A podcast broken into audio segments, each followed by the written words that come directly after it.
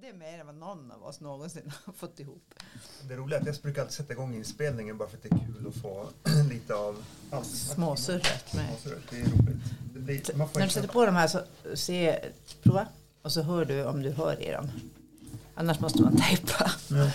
Alltså, De här som bakom får använda de här knapparna, de funkar på det sättet att man måste trycka. Ska om du pratar nu så hör du om det funkar eller inte. Mm, jo, men nu hör jag. Jag hör ju. Hör du dig själv sådär. Det är viktigt att man pratar liksom nära mikrofonen för att annars så fångar det inte, annars fångar det liksom inte upp rösten ordentligt. Då, när man börjar klippa och liksom, eh, lyssna på det senare så låter liksom rösten väldigt avlägsen och. Då kan du göra som jag gör med mina klienter, att man som hjälper till att flytta fram stolen åt dem så att de kommer nära mikrofonen. Jo. Och det så problemet med Jonas, för Jonas höll alltid på att prata så här och så här. Och så här. Lät, vi alla andra lät det som att vi var liksom nära mikrofonen. Det här var fel.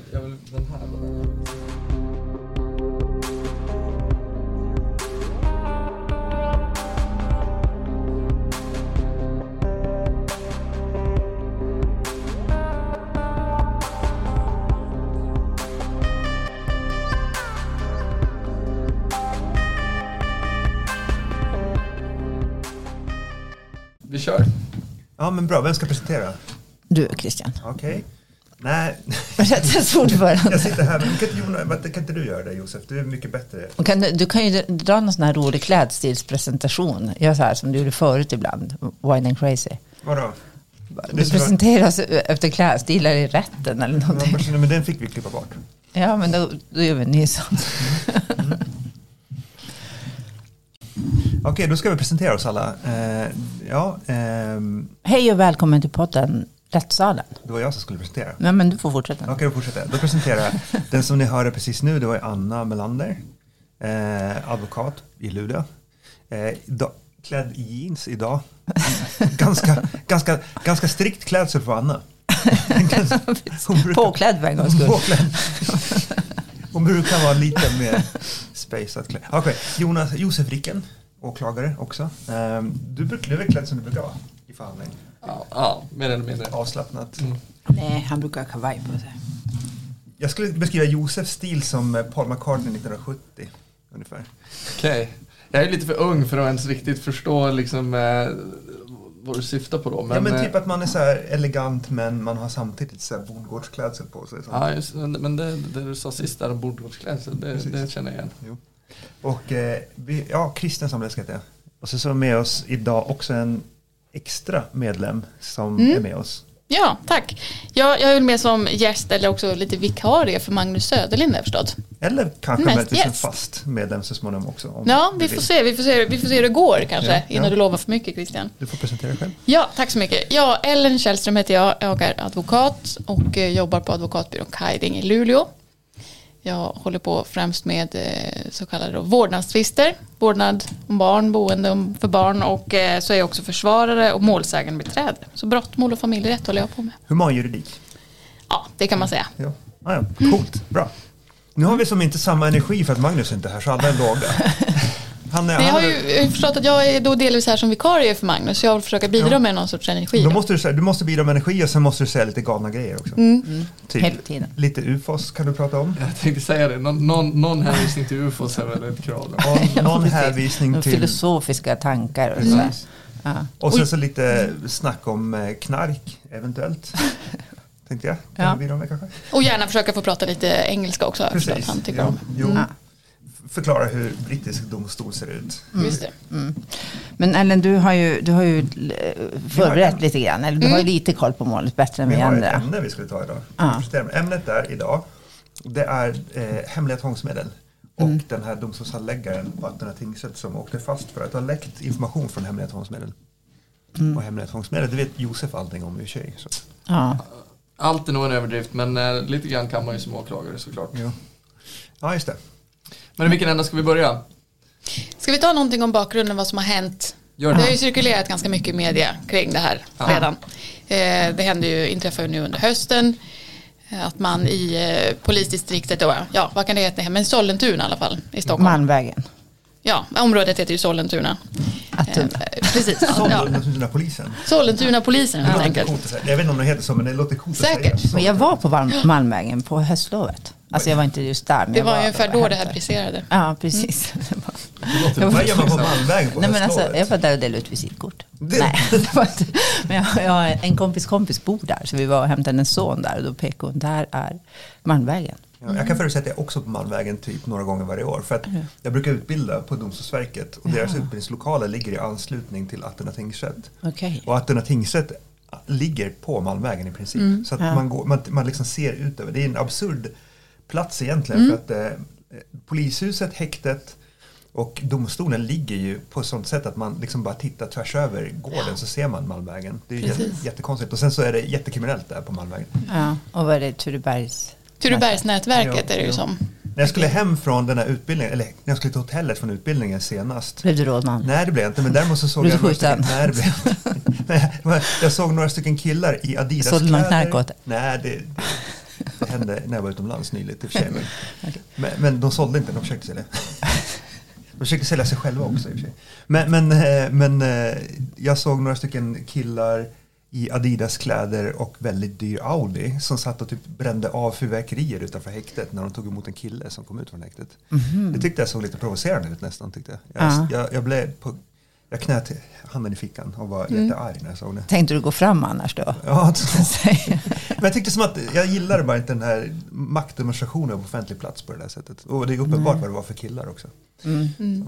Så det, upp, det provocerade Det var ingen välkomstkommitté utan mera. Inte till mig, Nej. utan det var välkomstkommitté till han som kom ut ur häktet. Just det. Okej, okej. Men berätta Ellen om det här caset som vi ska eh, prata lite mer om idag. Ja. Mm.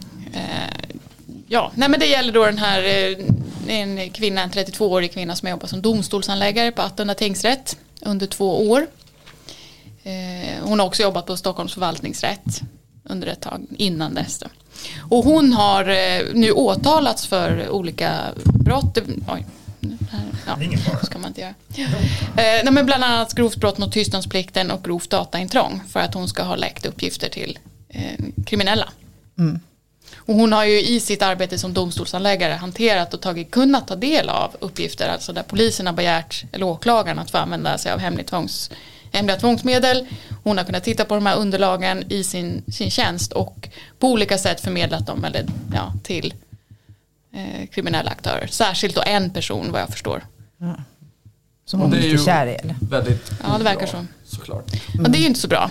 Nej, alltså eh, själva poängen med hemliga tvångsmedel Mm. framgår av namnet. Det ska ju vara hemligt för att annars så ger det ju ingenting. Och, och ehm, ja, kan inte du berätta lite Josef hur det går till? Alltså det är ju hemligt, det är inte så många som känner till därav och, och kanske inte kommer i kontakt med det. Så hur, vad är det och vad, hur går det till? Nej, men eh, själva vad det är, ja men det, det är olika sätt som eh, vi, när jag säger vi menar jag ju rättsväsendet, eh, polisen och åklagare, det, det, det är vi som, och domstolen också inblandade i viss mån i, i processen, eh, får tillstånd att eh, på olika sätt, eh, vad ska man säga, få information om personer utan att de vet om det. Eh, och det finns lite olika varianter av det. Det som är ehm, det, eh, det, det, vad ska man kalla det? Det, det, Det mest liksom, spektakulära jag har sett är en ka kamera gömd i en sten som man satt på Ja. hans gård. Ja. Det tyckte jag var rätt häftigt. det, det, Det var och det kan det vara frågan om och då, och då är vi inne på en, en hemlig kameraövervakning. Men om man börjar med det som är enk, den enklaste formen av eh, hemlig övervakning då. Det, det är ju en, det som kallas för HÖK, en hemlig övervakning av kommunikation. Um, och det innebär att man får ta del av eh, vissa historiska uppgifter eller uppgifter i realtid eh, kring eh, hur en person kommunicerar. Det ger oss inte tillgång till innehållet i kommunikationen men man kan till exempel se då att eh, en person till exempel från en, en viss telefon eh, ringer samtal till ett annat telefonnummer eller tar emot samtal, eh, skickar sms och så vidare och, eh, eh, och även eh, om man vill det lite positioneringar, inte exakt på pricken vart de är men lite mer eh, generellt så. Eh, sen finns det ju andra mer avancerade former. Det finns något som heter hemlig eh, ehm, avlyssning av kommunikation. då är det väl ungefär som det jag sa nu men man får utöver det möjlighet att få del av innehållet i eh, de meddelanden som skickas och även eh, kan få möjlighet att avlyssna samtal i realtid.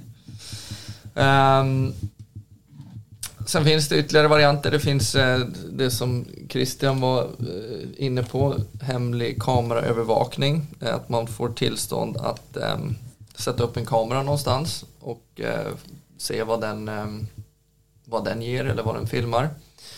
Ehm, och så finns det också möjlighet att i vissa fall avlyssna ett, liksom ett område, en hemlig rumsavlyssning. Mm. Um, och det finns även, um, glömde jag nämna, att det finns även någonting som heter hemlig dataavläsning. Och den um, är väl egentligen hyfsat lik uh, avlyssningsmöjligheterna. Uh, men uh, ger även möjlighet att komma åt uh, viss information som är mer lagrad i själva enheten och inte på kommunikationsnätet. Mm. Okay. Om man säger så. Ja. Ja. Men sen eh, är det väl lite så med, med kring eh, vad ska man säga, de här sakerna, den här lagstiftningen. Att, att, att, eh, dels så ska vi säga att jag, jag vet inte så mycket mer än det jag sagt nu om när det kommer till liksom, tekniskt hur de här sakerna går till. Ehm, och, och kan inte säga så mycket mer än egentligen det som framgår av, av ja, men av lag och, och vad som... Josef säger att han vet jättemycket men han får inte säga mer. Det är jättehemligt. Ja. Ja. För övrigt så, det är domstolen beslutar ju om de här får tillämpas eller inte. Ja. Eller användas i det konkreta fallet.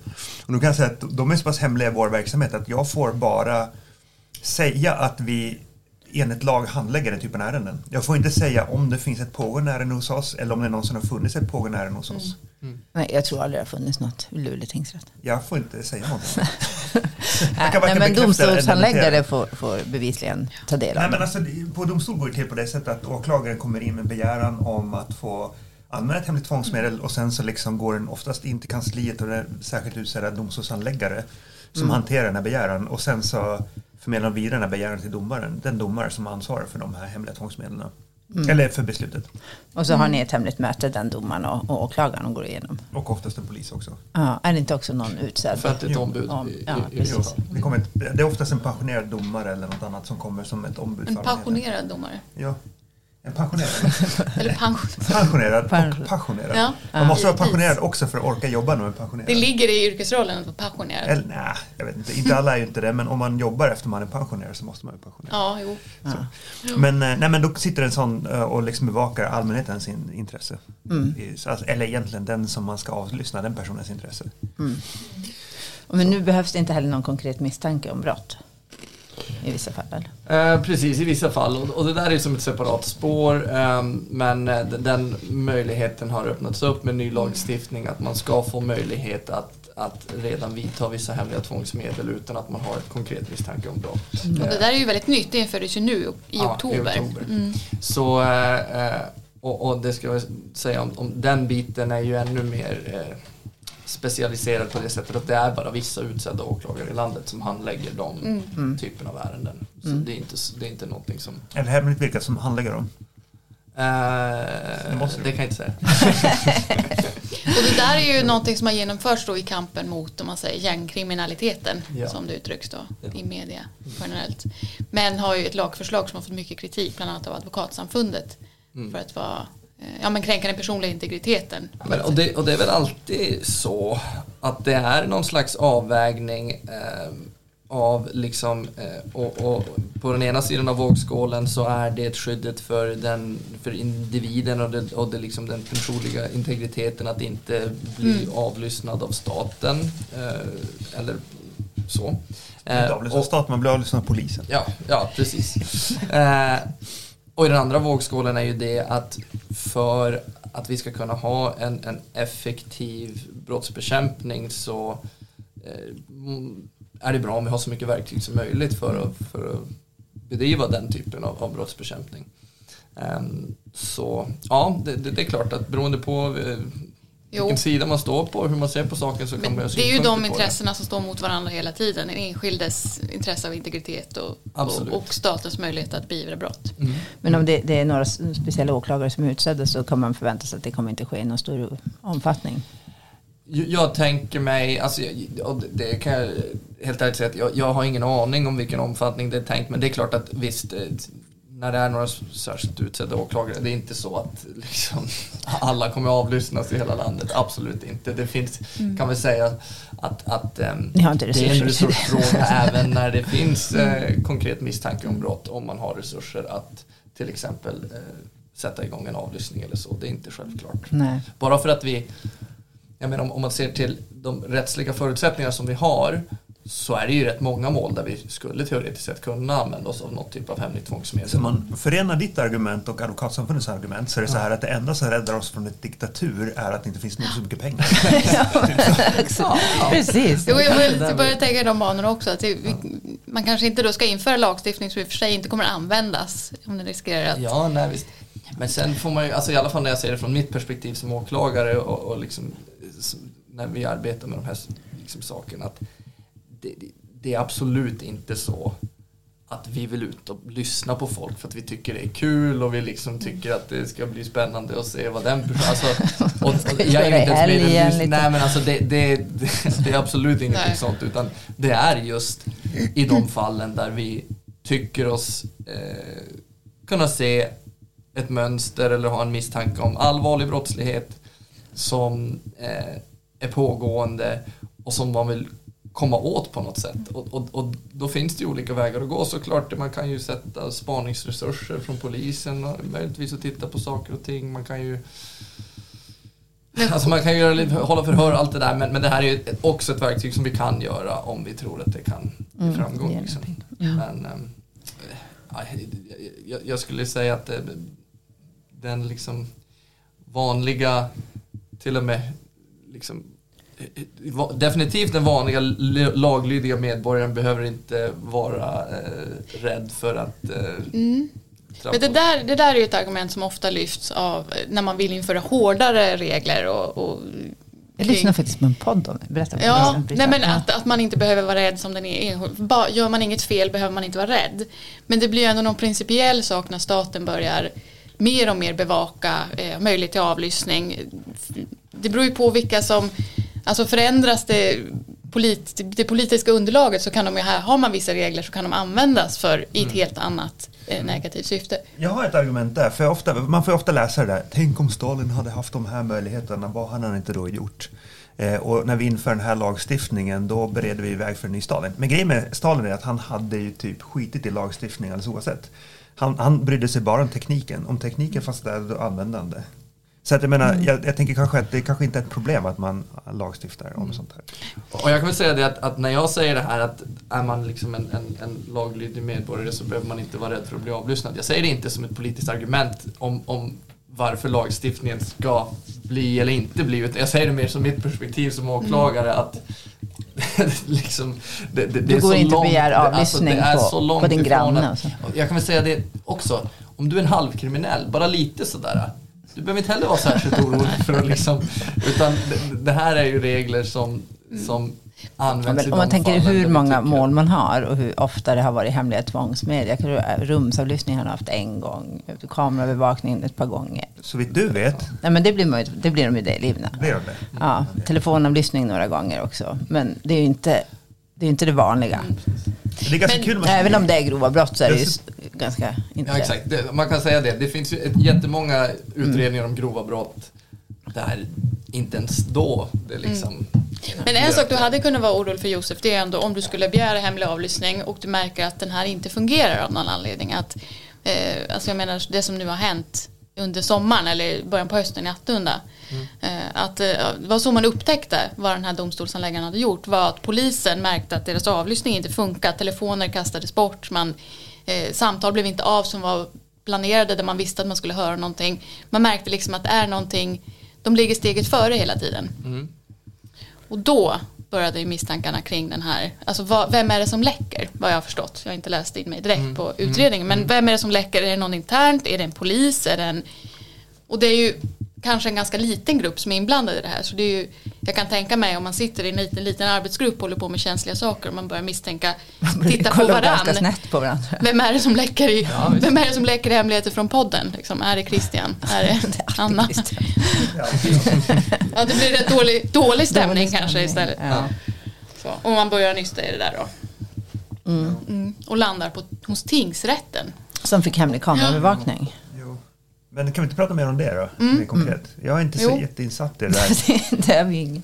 Men eh, Ellen är ju det. Ja, Ja. Men första gången i podden kände jag att jag måste förbereda mig. Jag vet inte var ribban ligger. Vi brukar ju Den ligger lågt. Alltså, Den ligger tanken var att vi skulle förbereda oss jättenoga alltid. Men grejen är så här att det, det är så sällan vi kommer ihop oss att vi kan liksom prata. Mm.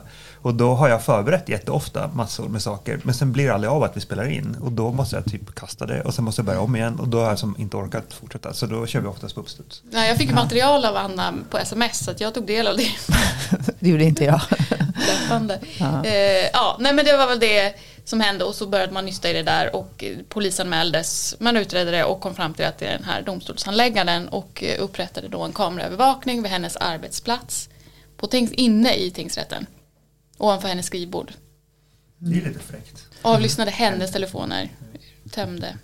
Det måste vara första gången det är hemlig kameraövervakning på en tingsrätt. Ja, det tänker jag att det måste Och vara. det är klart att allt sånt där, jag menar det där är ju, det där är ju sånt som givetvis i, i eh, beslutsskedet hos, hos åklagaren om man skulle ansöka om den typen av, av eh, eh, hemliga tvångsmedel och även hos tingsrätten när de ska bedöma det. Alltså proportionalitetsprincipen är ju tillämplig på alla typer av tvångsmedel så det är ju sånt som visst, det, har man nog beaktat men det jag tänker i ett sånt här fall, det som är oroväckande någonstans det är väl just kanske mer liksom i grunden den, det att, att ehm, och det här är ju ett exempel, det finns ju fler men att den eh, gängbrottsligheten börjar i vissa fall till och med liksom få in fingrarna i liksom den verksamheten som är till för att bekämpa den.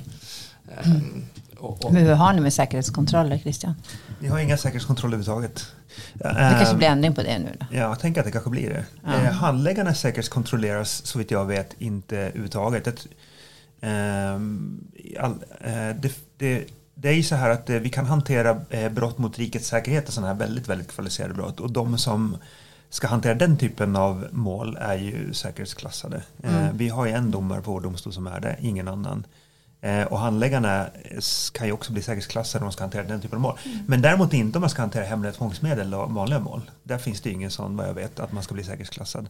Ehm, Men får ni ha de handlingarna i datorerna? nej, det är det som är också lite Jag speciellt. tänkte med pärmen när den pratar om. Nej, alltså grejen är så här att eh, i och med att det här är så pass hemliga och det finns en risk för att man blir hackad så eh, har vi alla eh, så har vi de här i fysiska handlingar alltid. Mm. Så att de finns i ett kassaskåp eh, med i pärmar. Mm. Okej. Så, så att det, det, det är ju det. Och då är det, den som har tillgång till kassaskåpet kan ju gå och rota i den där. Så. Mm. Och sen har man ju olika säkerhetsrutiner på olika domstolar. Jag, tänk, jag kan tänka mig att eh, kassaskåpet är väl mer eller mindre tillgängligt beroende på hur, seri hur seriösa man är på domstolen om man ska vara lite krass. Mm. Eh, Ja. så. Eh, och det kan ju också spridas runt lite grann, eh, koden till kassaskåpet och sånt. Så Mm. det, det, är, det är lite, lite naiv hantering kring det här tycker jag ibland. Lite svenskt sådär. Jo, jag kan också säga att ingen domare är säkerhetsklassad heller. Vilket, vi, det är inte så att man kollar ju inte ens vårat bröst. Ja, nu gör man det. Men när jag blev anställd så kollar man inte belastningsregistret ens. Vilken jävla tur. Jag hade en fortkörning vid Ja, tidpunkten. det hade du nog kommit igenom. Men jag hade faktiskt inga andra. Men ni säkerhetsklassas? Eh, det sker någon typ av eh, kontroll men inte en full säkerhetsprövning eh, när man först anställs som åklagare. Men det där håller på att, att eh, möjligtvis förändras nu vet jag. Däremot de som är chefer de får ha alla genomgått en liksom, vad ska man säga, Mm. ordentlig eh, säkerhetsprövning på det sättet. Och förut var det också så att när man blev eh, specialist, nu finns ju inte de typerna av tjänsterna kvar, så kunde man också få genomgå någon slags säkerhetsprövning, tror jag. jag För det är, jag no, det är någon, jag läste att någon åklagare är avstängd nu för en utredning som ska vara, han ska vara släkt med Hon är det väl? hon, Hon är släkt med jordgubben, visst var det så? jordgubben. ja. Ja, Den- men eh, absolut. Det, Kurdiska rävens dödsärkerival. Men blir man avstängd bara för att man har en släkting då? Men det vet du kanske det, det, det skulle jag tro att man inte blir. Nej. Bara för att man har en släkting så. Nej. Men alltså jag har hört talas om att man visst går en... Alltså jag har ju haft kollegor som blivit åklagare som har genomgått någon typ av säkerhetskontroll i och med, i och med att de blir anställda. Ja, Du har jobbat så länge, du har glömt. alltså, alltså jag, det, jag vill minnas.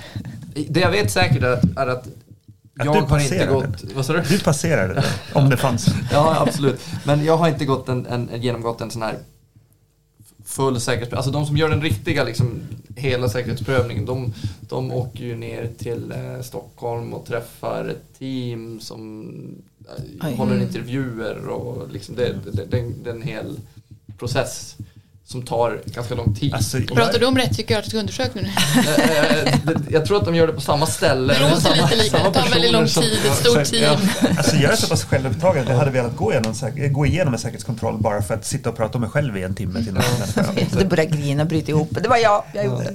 Ja, typ så här förträfflig är jag. Titta på mitt liv. Liksom. Jaha. Nej men, eh, men, för att det, och det har ju diskuterats att, att för polisen, de, de genomgår en, en mer ordentlig säkerhetsprövning där de anställs men åklagare har inte haft samma typ av ribba de har diskuterat det. Är det liksom, Jättekonstigt ändå. Ja. Men det var ju en sak som eh, försvar, hennes försvarare då, då advokat Johan Eriksson, som Ja. lyfte upp Världens det. bästa advokat. Nej, men han lyfte upp precis risken, alltså ansvaret man har som, eh, som tingsrätten eller som staten har, att man tar in anställda tjänstemän som inte utan då någon skolning i hur man hanterar kanske påtryckningar utifrån, eh, alltså utpressningar eller eh, vad den här typen av uppgifter kan användas till, hur, vad det kan leda till om man sprider den typen av uppgifter. Och inte heller har någon säkerhetsklassning eller liksom att det inte att man kanske borde som arbetsgivare och från statens håll ha en mer grundläggande, men ge förutsättningar för personalen att hantera det rätt. Men jag skulle säga att, att vad gäller den första biten som du sa, det där att hantera eh, påtryckningar från Mm. olika håll och så vidare, det får vi utbildning i. Men domstolspersonalen, Nej, vi får inte någon sån utbildning överhuvudtaget. nej. Ja, just det. jag vet. Just det. Nu pratar vi. Jo, det finns en kort... Du är jo. inte domare ju. Nu är inte du domstolshandläggare utan Ja, det åklagare. är faktiskt så att jag kom på. Jag, har, jag håller ju i den grundläggande utbildningen för domstolshandläggare. Jag, Jag har ingen sån utbildning. Jag kom på, jag leder en sån. jo, jo, men jag kom på att vi har ett kort, kort pass på en halvdag eh, där vi går igenom alla möjliga typer av säkerhetsfrågor. Och i den så går man lite, så finns det... Det är du som är orsaken alltså, till allt det här. Jo, det är jag som... Du har varit för slarvig. Jo. Men kan du inte utöka det? Nej, men det är inte jag som ans- alltså jag är kursledare men jag är inte den som är liksom ansvarig för utbildningens Okej. innehåll på det sättet. Så jag sätter liksom inte ihop utbildningen och det är en annan. Men, men det finns ju liksom ett moment i den. Det finns en halv. Det här kan ju påverka innonnehållet lite framöver, tänker Ja. jag. Just Men eh, ja, det kommer en säkerhetschef från eh, typ, ja, det är är en, sån här distrikt, en chef, säkerhetschef från som är säkerhetschef antingen över alla Skånedomstolar eller alla Stockholmsdomstolar som kommer och Mm. pratar om säkerhetsfrågor. Och i det momentet tar de upp liksom, Mm. det här med hur ska man göra om man blir utsatt för påtryckningar och vem ska man prata med och sådär. Mm. Mm. Så det finns ju ett sånt moment. Men det är ju liksom en halv dag. Men jag tänkte också på den här frågan utifrån advokatperspektivet. Jag riktar mig till Anna då. Ja. Eh, om man som eh, försvarare, eller ja, om, ja, försvarare främst, får uppgifter av sin klient som har inhämtats på något sätt från domstolen. Alltså att du, du får kännedom av din klient om att det här vet jag nu. Jag Och det de läcker från. Alltså, ja. Vad gör du om det skulle vara uppgifter som är till din för, klients fördel till exempel. Det här skulle kunna hjälpa. Men men, menar du? Om det här kommer från domstolen? Ja, nej, alltså om du har fått, om din klient säger så att det här, det här vet jag, så det har kommit fram uppgifter som är till klientens fördel. Mm. Lite ledande fråga. Men hur, Nej men det måste jag ju använda. mm, Du, du har ju skyldighet att göra, tänker jag. precis. Och sen får man ju väga det mot den här skyldigheten vi har att inte främja orätt. Orätt. Nej, jag behöver inte fråga var som kommer ifrån uppgifterna. Men man får väl, det, nu, det blir väldigt hypotetiskt där Mm. såklart. Men man, beroende på vad det är kanske man får kontakta åklagaren eller Mm. med klientens tillstånd och samtycke såklart. Eh, Och säga att de här uppgifterna har vi. Mm. Finns det något som kan bryta er tystnadsplikt? Vad sa du, är det något som kan tystnadsplikten? Ja, Ja, alltså det är om precis. klienten eh, alltså, ger tillstånd. Med klientens tillstånd. Mm. Får man Är det enda gången ni får bryta tystnadsplikten? Även om du skulle få veta att en ny 9-11 är på gång. Skulle, ni måste bara vara helt tysta. Bara, Alltså man måste ju inte vara helt tyst, man kan ju välja att berätta. ju- Man kan ja. göra en avvägning att det här är någonting jag vill berätta om, med risken då att få en varning eller en erinran. Ja, ibland är ju det värt. Ja, okej. till exempel om man får reda på att någon skulle Ta självmord. ja, men ta, ta livet av sig. Ja. Ja, Då får man ju tänka, typiskt. kan jag då leva med det här? Att jag bröt, om min klient säger det till mig till exempel. Nu ska jag till Limamen ikväll eller? Ja, då måste jag ju välja, ska jag berätta det för polis och kanske rädda livet eller ska jag, och med risk då att själv få en Vilket sjukt jobb. Säga ändå. Men det är ju där och där får man ju någonstans ha en egen kompass om vad, hur mycket det är. Ja, Mm. Jag det på allvar? Ja. ja mm, det får man ju tänka på också. Mm. Ja. Nej men visst, och, så, och, så, och så, sånt händer ju liksom. Det, det, Ja. det. Jo. Men eh, kan vi inte gå tillbaka till det här caset då? Mm. Hon eh, rotade i systemen, läckte information. Och, Men alltså eh, som jag har förstått det, och nu har jag börjat läsa, jag vet inte om jag läst någon artikel, så, så har de inte hittat någonting att hon faktiskt har, alltså de har inte hittat i hennes telefon, eller, ha- jag vet inte om de har haft hans telefon, men hennes eh, liksom, telefon, att hon faktiskt har skickat de här bilderna på hemliga tvångsmedel. Det, det tror jag inte de har kunnat, och de har inte sett det på filmerna, att hon liksom fotar av eller Jo men då har jag sett att de fotar av en perm. Men Jag tror, jag tror tvärtom att de inte har sett henne fota av. Ja, Men att vi ser man ju där på hennes rum. Men jag tror inte de har... Ser man att liksom, hon lyfter liksom en telefon framför henne? Nej. Nej. Jo men nej, det är det jag har för mig att jag har hört eller läst. Men det, Okej, men- men- okej, jag är inte expert på det här, Men det jag... Men alldeles oavsett, hon hade väl vidgått? Jo, hon, har, hon har ju vidgått har- för att hon har ju... Ja, i, Vidgått är juridiska för att man medger. Bara, bara, Mm. Jag måste bara säga det, för att alla förstår inte alla ord vi använder. Men jag tror inte de här riktigt hemliga papperna. Nej, men hon har för att hon i inledningen vid första förhören sa hon att enligt uppgift som jag då har hört att hon hade blivit fått påtryckningar av den här och känt sig hotad av den här mannen. Men Ja. det, den invändningen lämnar hon sen till att gå över till att de Ja, alltså det, Det framgår ju framgår att de, hon väl, har ju ja. haft en relation med honom. De har också hört ett vittne vid huvudförhandlingen, vilket är hennes kompis då, som har berättat att hon har varnat för det här under en lång tid och sagt att liksom, du måste sluta med det här, du kan inte, du riskerar för mycket, det är inte värt det, han är inte kär i dig på riktigt. Han, Han vill bara bara ha gola. uppgifter. Han vill ha en golare. Ja men det är exakt det hennes kompis har sagt. Han ser dig bara som en golare, inte som, din, eh, som sin flickvän. Liksom. Mm. Så egentligen är det ju, ja, men det är sorgligt och eh, tragiskt att, att det har kunnat hända. Eh, på ett personligt plan för henne tänker jag. Men det är också väldigt Åklagaren, Josefs kollega, eh, använde ordet att det är systemhotande. Att hon liksom, eh, vilket han också byggde på att hon eh, visade en ganska nonchalant inställning under huvudförhandlingen till hela grejen. Mm. Ja, Men det, det är ju jätteallvarligt. Ja, alltså att det ett här, stort, om det har hänt. Ja, man backar ut och liksom tittar på det så är det ju att det hotar ju hela rättssystemet om, en, om det bygger på en, eh, ja. ja men visst, och så blir det ju såklart då. Men, sen kan jag ju tycka så här att alltså någonstans liksom i vår verksamhet så, så måste det hanteras vissa saker som är hemliga. Bland annat hemliga tvångsmedel. Men, men människor måste ju hantera det i alla led. Vi måste ju hantera det inom vår myndighet, det måste hanteras inom Polismyndigheten, det måste hanteras hos domstolarna. Och då är det ju människor som hanterar de här uppgifterna. Och, och Människor alltid den svaga Nej länken. men alltså visst det är ju Ja, så. Det är ju så så är det. någonstans. Är så. Oavsett om man har säkerhetsprövats eller inte. Alltså, Exakt. det, det, det, det hade, nu hade det kanske kunnat vara så att den här personen hade gått igenom en säkerhetsprövning för det fanns ingenting att ta på. Men det kan ju ändå hända saker när det rör sig om människor. Så det är klart att, att ja, skulle det bli liksom ett, en, en pandemi av, av sådana här situationer att överallt i landet så framkommer att det, det läcker liksom höger och vänster, vänster, då har vi ju ett, ett stort systemhot. Jag skulle väl inte riktigt kanske liksom dra de växlarna så i det enskilda fallet och säga att det här är liksom att, att hela systemet med hemliga tvångsmedel och så vidare är hotat för att det har hänt en gång.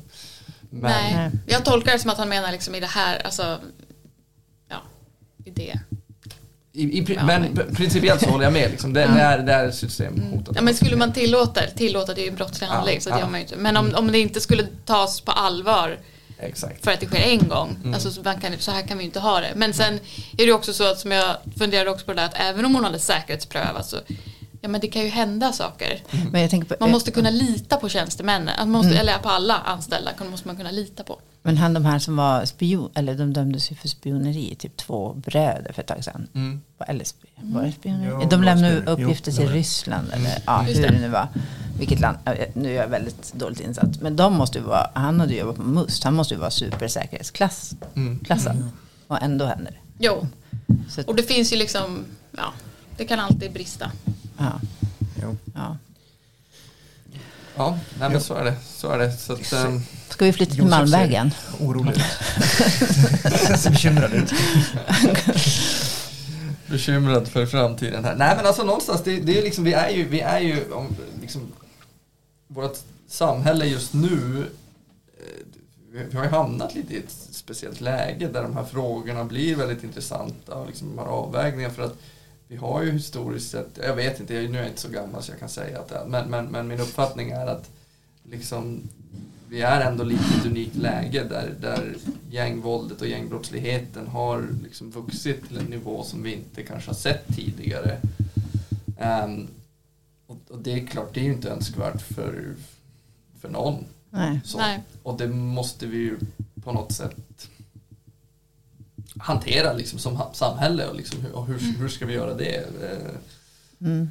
Bland annat de här reglerna, nya regler om tvångsmedel som har gett oss vissa utökade möjligheter att använda oss av hemliga tvångsmedel är ju ett steg i den riktningen att vi ska ha mer verktyg för att kunna använda eh, i de här typen av situationerna bland annat då.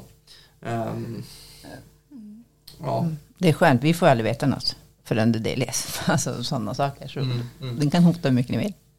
Jag vet ändå inte. Men, men hur, ehm, hur vanligt är det att liksom klienter frågar er om det, om liksom de, de här sakerna? men eh, ofta så här, tror jag avlyssnad. Ja, Den frågan får man ofta. typen av- Ja. Mm. Och så brukar jag säga, ja jag kommer ju få veta det sista av alla. Så du får ringa någon annan. Ja, Mm. Det för så är det ju. Vi får ju inte veta sånt såklart. nej. nej. För då får vi också en skyldighet att säga det. Om vi skulle få veta det. det, ja.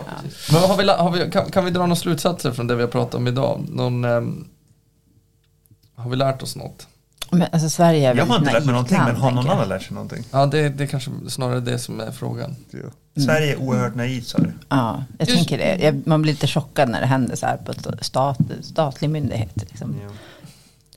Ja, alltså det finns ju någon slags eh, bild av att, eh, ja precis. Jo. Alltså att man låter en, jag menar, en 32-åring icke säkerhetsklassad person hantera så här jätte, jätteviktiga handlingar. Men jag tror att man kanske inte har förstått exakt hur viktigt Fast det är. i, där måste jag ändå i sak kommentera att jag tror inte hon hade det uppdraget. Alltså hon, hade in, hon var inte eh, den hon typen av tjuv- handläggare. Han, tog hon handlingarna? Hon hade tillgång till handlingarna men hon hade inte något särskilt uppdrag att hantera de här handlingarna. Nej, men då ska hon inte ha tillgång till dem. Nej, där, precis. Ja. Ja. Den här permen och liksom. koderna. Sjabbla inte med koderna Christian. Nej. Och justera utbildningen till handläggaren. Så Det ligger, det här ligger på dig nu. Ansvar jag kanske ska säga det nästa gång jag har utbildningen, bara nämna det lite extra noga. Ja men det tänker jag att det Och bör inte ju absolut det i. Men det är lite, nu fortsätter jag, vi skulle avsluta, men det är lite samma där precis som eh, uppdrag som advokat och det kräver ju integritet. Mm. Alltså man kan inte låta sig skärmas på det sättet att, för hon var ju Men det skärmad av jag killen. faktiskt om på utbildningen. Jag säga. Mm. Fa- Fast då varnar jag för advokater oftast. Ja men de kan man låta sig skärmas av. Precis. Där är det helt, Det är helt riskfritt. riskfritt. Ja. Nej, det, det säger, det, på utbildningen säger jag att det inte är riskfritt. Va? På riktigt? Ja. Ja men du får Men- som men- sagt men- justera utbildningen. Jag, jag får lägga till skurkar och advokater. Ja. Ja. Nej, men du har ju en, en stor poäng där och det tror jag det gäller liksom alla som jobbar inom rättsväsendet på något sätt. Ja. Från vilket håll det nu är, liksom privat eller statligt anställd. eller Sådär, att integritet är ju otroligt viktigt för alla. Liksom, för att nej, ja, det, blir ju inte bra annars. Oavsett vem det är som börjar Nej, på det. om åklagaren bara skärmas av advokaterna så blir det inte Nej, det blir inte bra. Nämns vi också på era utbildningar? Watch out. Två särskilt trevliga advokater uppe i Norrbotten. Ja, exakt. Världens trevligaste advokater. Ja, ja. Ja, tack för idag. Tack för idag. Tack. Tack så mycket. Tack Ellen. Tack Ellen. Ja, Ellen. tack Världens podden. bästa. Jag, jag tycker du måste få vara med en gång till åtminstone. Jo. Ja. Ja, okej. Tack, tack.